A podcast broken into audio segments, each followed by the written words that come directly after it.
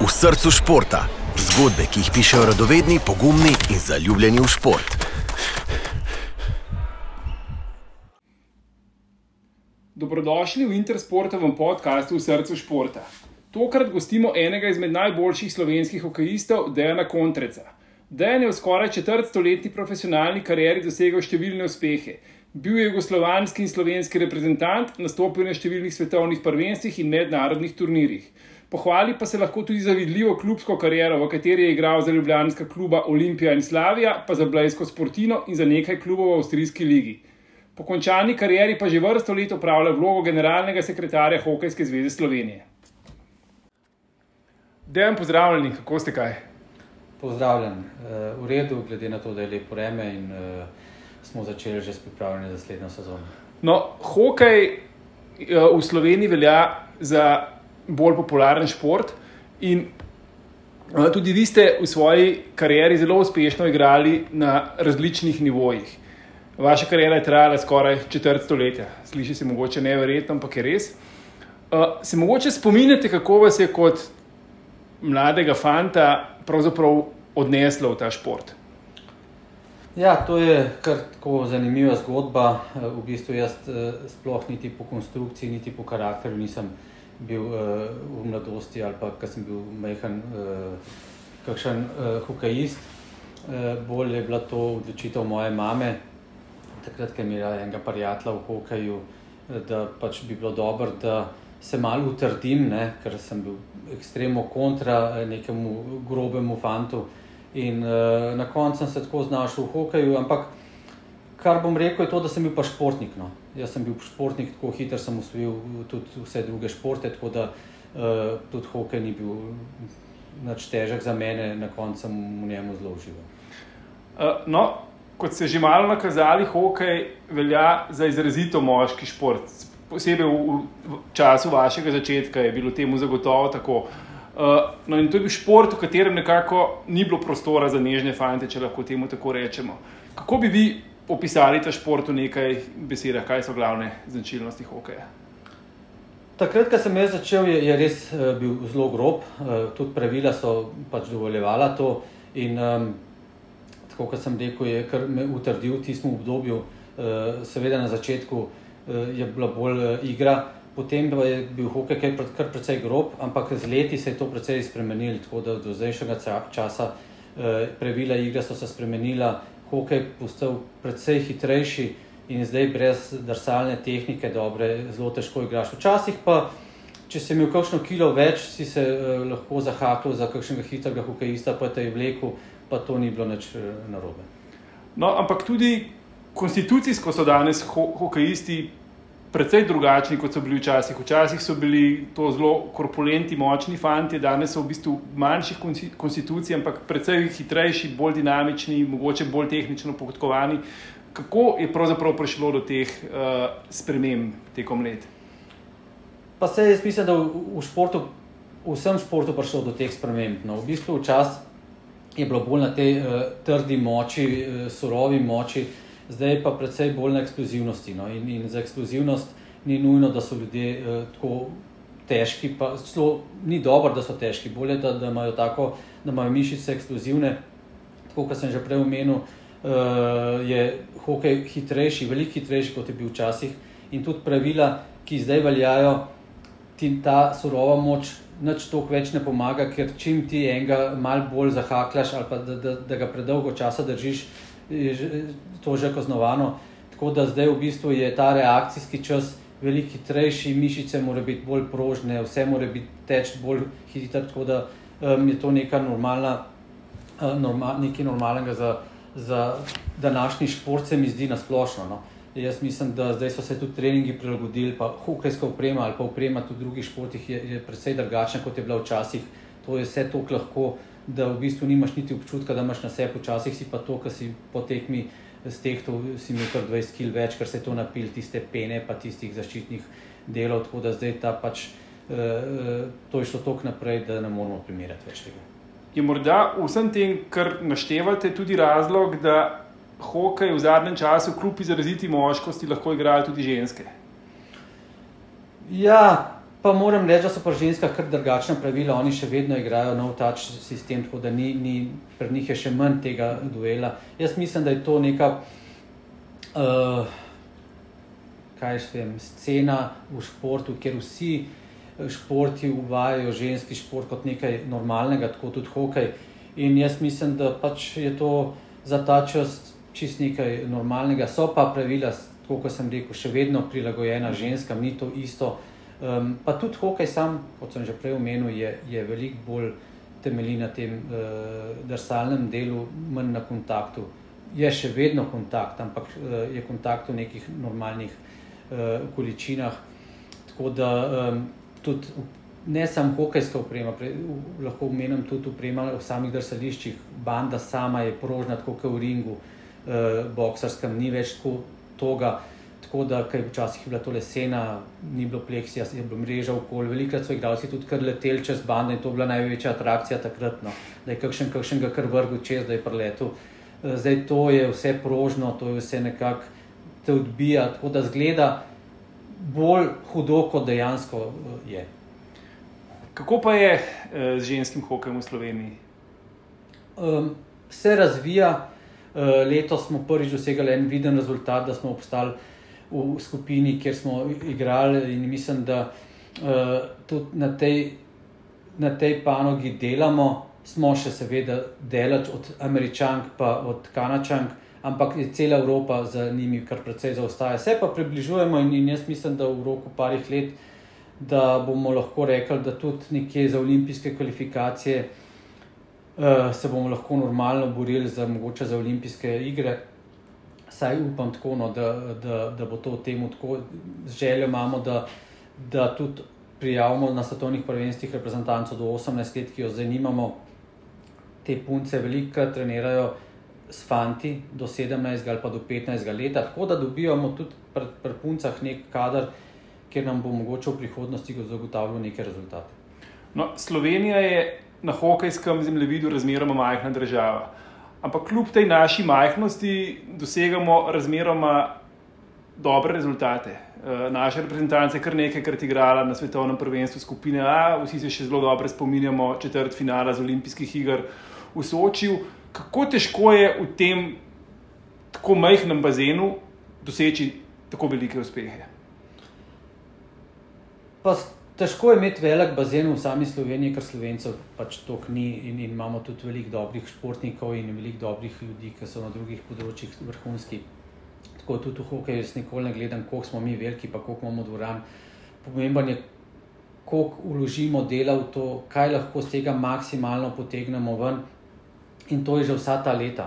In eh, jaz pač vedno težim k temu, da moramo športnikom nuditi čim boljše pogoje, kar se da. Uh, pa bom rekel, kar se da, ker spet nismo primerljivi z drugimi državami. Ampak na koncu, ko pridemo na igrišče, so, je, je 22 hokejistov, kot pri, pri drugih ekipah, več kot 22 uh, eh, hokejih ne more biti na, naenkrat. In smo tam in 60 minut pravimo odigrati maksimalno, kar se to da, in, in izkoristiti dnevno formo najboljšo, kar je to možno. In v zadnjih letih nam je to kar dosti dobro uspevalo.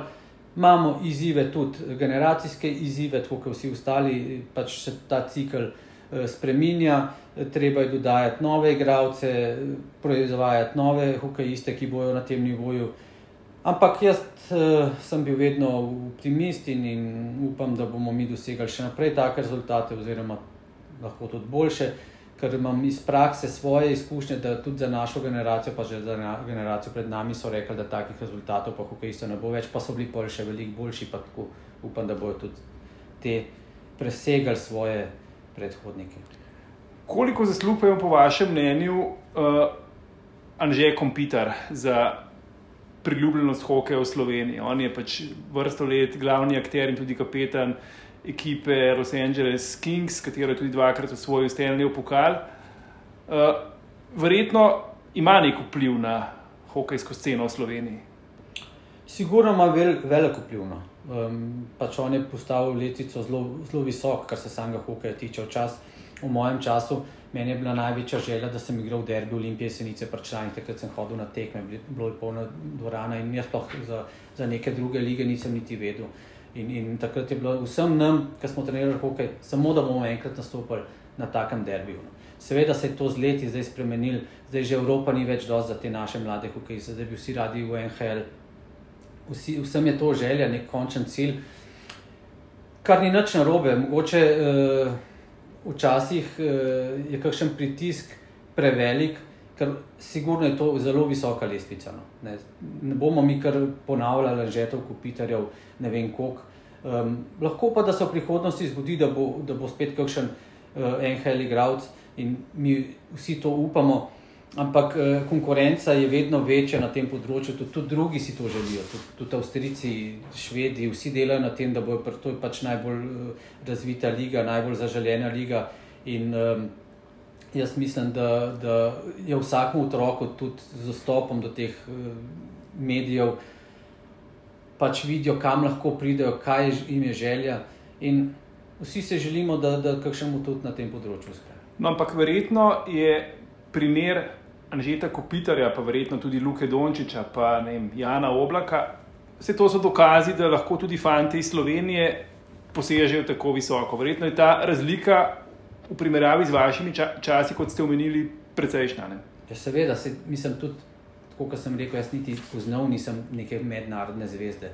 Zdaj, zdaj to globalno se je šport približal, zdaj, zdaj vse je dosegljivo. No. Ampak je pa res, da, da mogoče včasih to, so prevelike ambicije, no, prekmalno.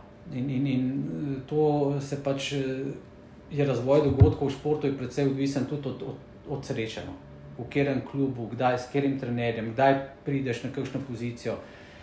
In uh, ni samo to, da si samo dober, je tudi drugi eh, faktori, so poškodbe. Um, in vse te spremlja nekako, in, in pač uh, cilj je tak, uh, in treba je biti paralen, da, da bo zelo malim. V procentih tudi mi imamo zelo veliko kajistov v tujini v tem momentu, ki igrajo v pomembne vloge v svojih klubih, v pomembnih državah, Švedska, Finska in tako naprej.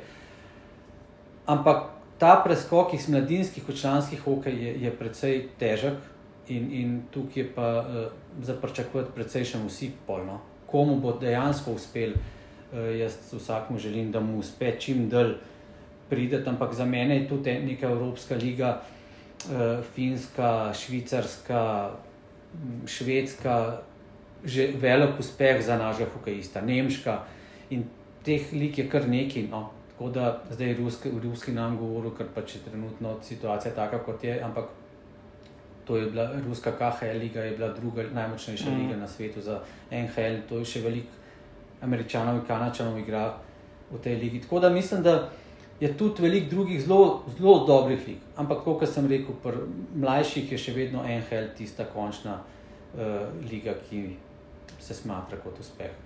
No, vi ste tudi po svoji dolgoletni profesionalni karieri ostali v hokeju in zdaj že kar nekaj let upravljate vlogo generalnega sekretarja na Hokejski zvezi Slovenije.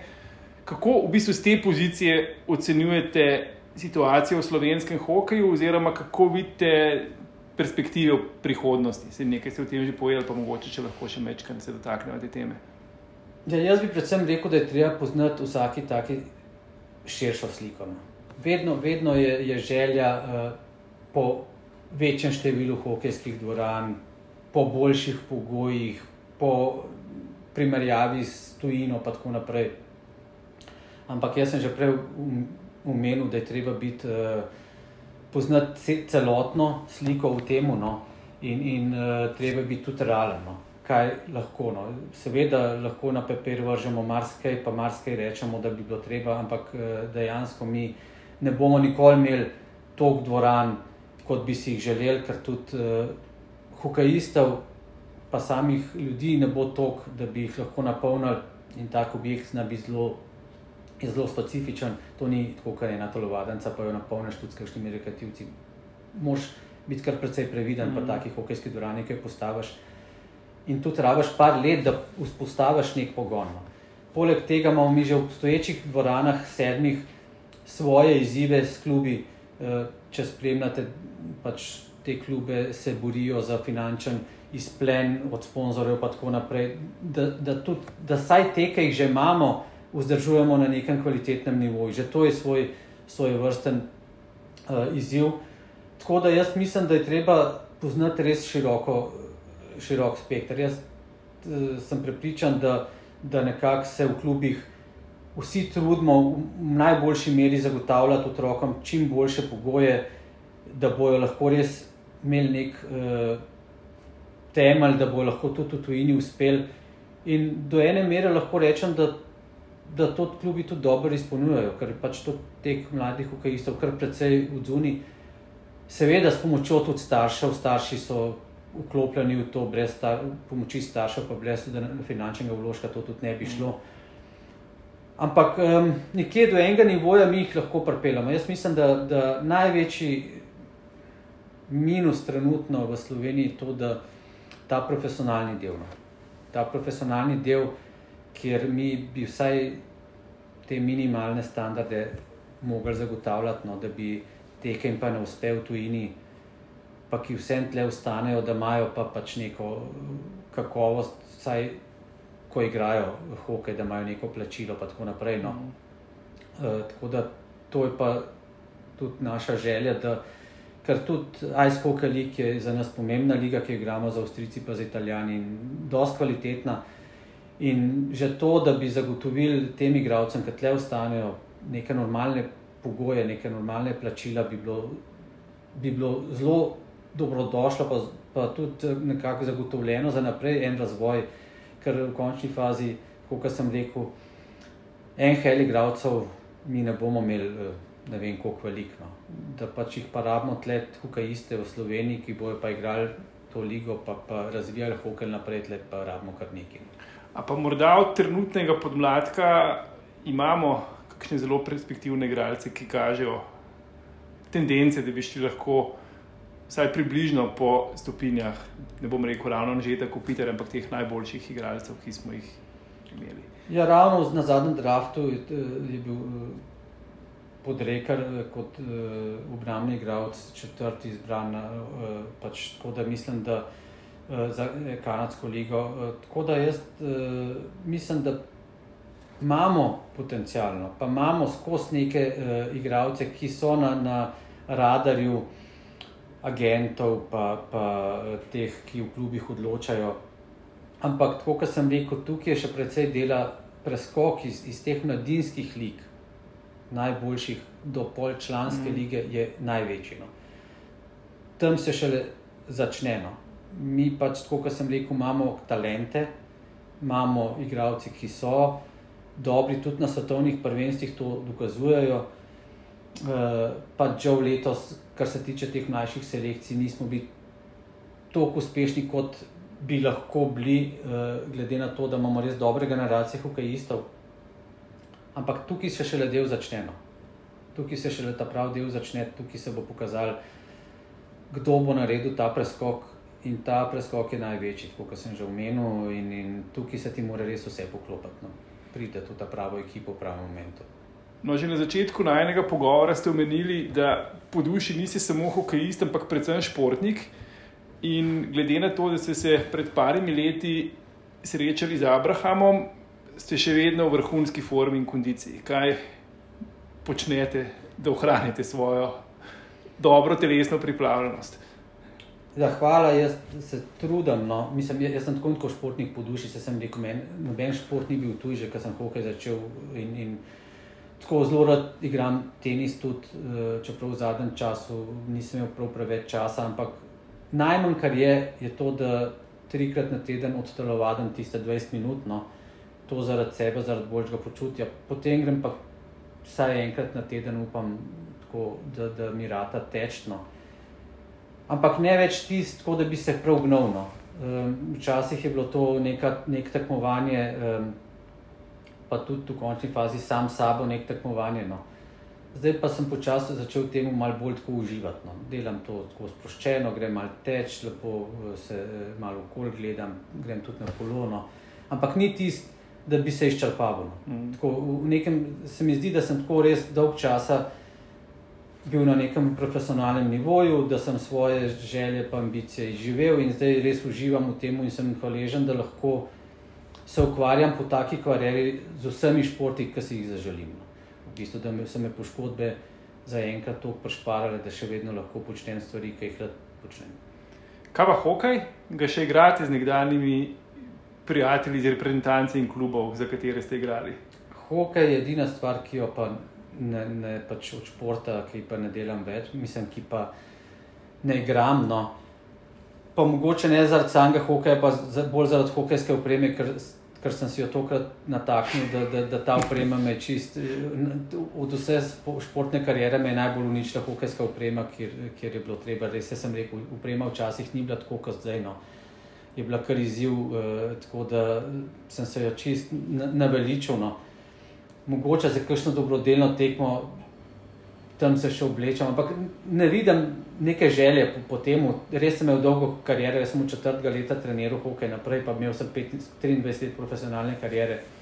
Tako da nimam neke želje po tem, mi pa, pa z veseljem pa gledam hokej. No. Tako, grem na tekmo, z veseljem spremljam hokej, ker mi je pač res en lepših športov, ampak da bi pa se sam lotil tega. Pa.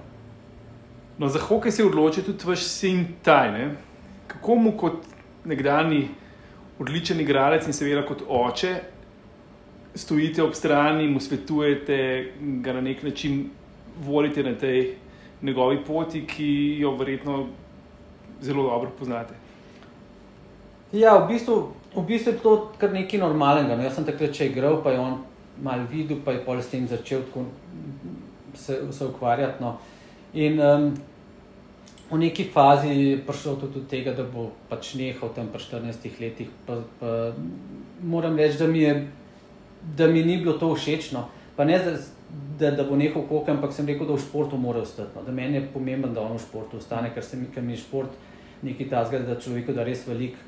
In, in, in že z svojih izkušenj lahko rečem, da, da jaz zelo promoviram športno. Če je to hokej, super.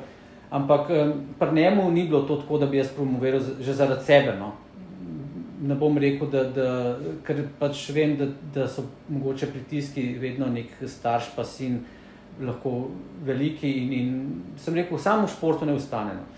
Potem se v določenem momentu pa tako navdušil nad tem, da, da bo ostal v hokeju, čeprav bi že nogomet treniral, pa pol bi šel v tenis pa tako naprej. Ampak zdaj se je čist v to vrgo noter in, in jaz, mi dva zelo malo uh, od takrat naprej smo imeli neke take, vedno me vprašake, ampak uh, mogoče jaz nisem tipičen uh, starš v tej, jaz, jaz mu sam rečem, da ne uživa v, v, v takrat, ko pač to dela, v vseh stvarih je treba prvo uživati. No. In, in um, da me veseli, da je on v športu stal, da, da, če hoke igra super, z veseljem ga pogledam, ampak hočem, da ima svojo pot. No. Jaz njemu ne morem, ne vem, kaj sem reči, ker pač sem, eh, se je to precej spremenil.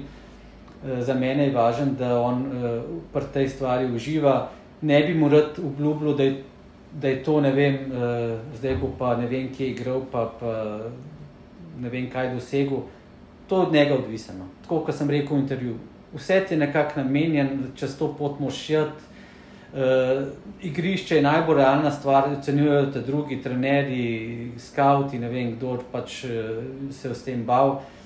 In to je šlo zdaj tudi predvsej v tej smeri, pri nas ni bilo menedžerjev čas, pa nekih skautov in tako naprej. No. Zdaj, zdaj je šlo to predvsej v eno drugo smer. In jaz mu želim, da, da, da, da res, pač, da res uživa. No. Da res uživa. Jaz mu vedno pravim, vsako tekmo, ki jo igraš, moš uživati. Včasih sem jaz malo prevelik, uh, bi rekel, temu uživač, ker zdaj jim vse prepovedujejo, že v mladih, ne smeš tega, ne smeš tega, zato ker so ti programi razno razni računalniški. Kaj vse, koliko napake naredi, koliko je. Ampak jaz mislim, da je to vse procesno. Jaz mislim, da je tega preveč, da, da to, to zgubiš kreativnost. Ampak trenerji se z mano ne bojo strinjali. No. Jaz sem bil tudi kot sam igralec bolj tak, da sem bil v svoje glav, kar se tega tiče. No. In, in nisem tako uh, mogoče sledil sam trenerjevim željam, no pa sem se mogoče kdaj sem imel kakšen s trenerjem, kakšen neprijeten razgovor. Polno. Ampak takrat ni bilo toliko teh tehniko zadnji. Zdaj pa to res vse šteje, ti koliko buljev dobiš, koliko strelov, kam strelaš, kaj vse. Zdaj, zdaj so te dostopi. In jaz mislim, da pri mladih je celo to malo preveč. No. Tako, jaz, jaz, jaz, jaz rad vidim, da ljudje uživ, uživajo. No. In, in če ti hočeš um, uživati, moraš tudi napake delati. No. Ne. Kdaj zadriblaš, kaj ne bi smel, ali pa kdaj ustreliš, kaj je bilo dobro, da ni trenerju glih všeč. Ampak to je nekaj, to je šport, ki v bistvu sem ga jaz igral in jaz sem ga na tak način videl. In mogoče ne bi bilo dobro, da ga ne mu preveč prodajamo. Mm. Čeprav mu vedno rečem, da ne uživamo, da, da pač kar mu bo namenjen, mu bo namenjen. Dejan, najlepša hvala za zelo zanimiv pogovor.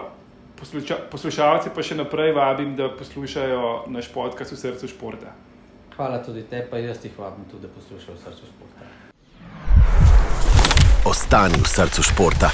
Prisluhni še več zanimivim zgodbam, ki jih najdeš na intersport.si.